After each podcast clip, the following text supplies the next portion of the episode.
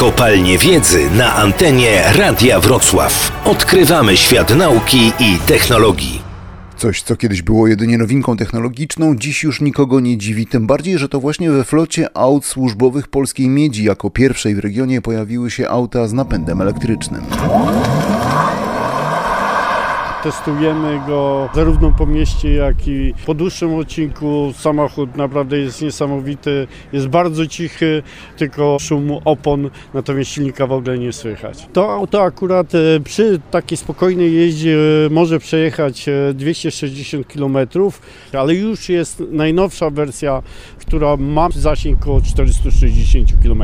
Dziś w Zagłębiu Miedziowym działają już cztery publiczne stacje ładowania, również ultraszybkie. Ten progres dotyczy nie tylko aut jeżdżących po powierzchni, podkreśla Krzysztof Okręt, dyrektor działu rozwoju maszyn i urządzeń w KGHM Zanam ekologiczniej na pewno będzie. Praca maszyn spalinowych w kopalni, gdzie mamy dość ograniczoną przestrzeń, szczególnie ci, którzy tam pracują, są narażeni na bardzo szkodliwe substancje. Zatem wprowadzanie tego typu maszyn z napędem elektrycznym to są naturalne kierunki rozwoju, nie tylko w KGHM, tylko na całym świecie. I właśnie dlatego powstał Zanper, drugi po Sokole samochód elektryczny dedykowany do pracy w kopalniach polskiej miedzi. Jarosław Czupak, główny konstruktor do spraw rozwoju SMG. Głównie służy do transportu ludzi, ale również do wożenia materiałów wybuchowych, do transportu poszkodowanych z oddziałów, w których były jakiegoś rodzaju tąpnięcia, uszkodzenia, więc wszechstronny pojazd służący do również ratowania życia ludzkiego. Ograniczenie zużycia energii i przejście na urządzenia nisko lub zeroemisyjne to tylko część większego planu, podkreśla Marcin Chludziński, prezes miedziowego koncernu. Zużywamy każdego roku 2,8 terawata prądu. 25% w tej chwili pochodzi z naszych źródeł, czyli my jesteśmy nie tylko dużym konsumentem, ale jesteśmy też dużym producentem i tym dużym producentem chcemy być coraz bardziej, czyli ta skala własnej produkcji będzie rosnąć. Mamy ponad 200 hektarów własnych gruntów, które mogą być przeznaczone pod te projekty.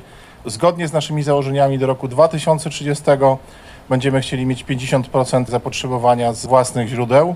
I ten plan już jest urzeczywistniany. Wystarczyły trzy miesiące, by nieużytki na peryferiach Legnicy przeobraziły się w fotoelektrownię o mocy 3 gigawatogodzin prądu rocznie. Bernard Cichocki, prezes KGHM Zanam. Pierwszy tego typu obiekt w Polsce w takiej technologii aż tak zaawansowanej. 7 dni w tygodniu, 24 godziny na dobę, parametry tej elektrowni monitorowane, dostępne dla dyspozytora. Obiekt wyposażony w tak zwane control roomy, czyli każdy panel czy na pełnej sprawności pracuje, czy należy coś zmienić. Rafał Tokarz, kierownik budowy fotoelektrowni w Legnicy. To jest nasza wewnętrzna inwestycja i my nie wychodzimy w ogóle do sieci tauronowskiej, czyli my ją zużywamy całą tą energię, natomiast nadmiar tej energii, a szczególnie będzie to w weekendy, będzie pożytkować Huta Miedzi Legnica. Przy czym podobne elektrownie fotowoltaiczne wkrótce ruszą również w piaskowni Obora i Hucie Miedzi Głogów. Na audycję zaprosił KGHM Polska Miedź SA.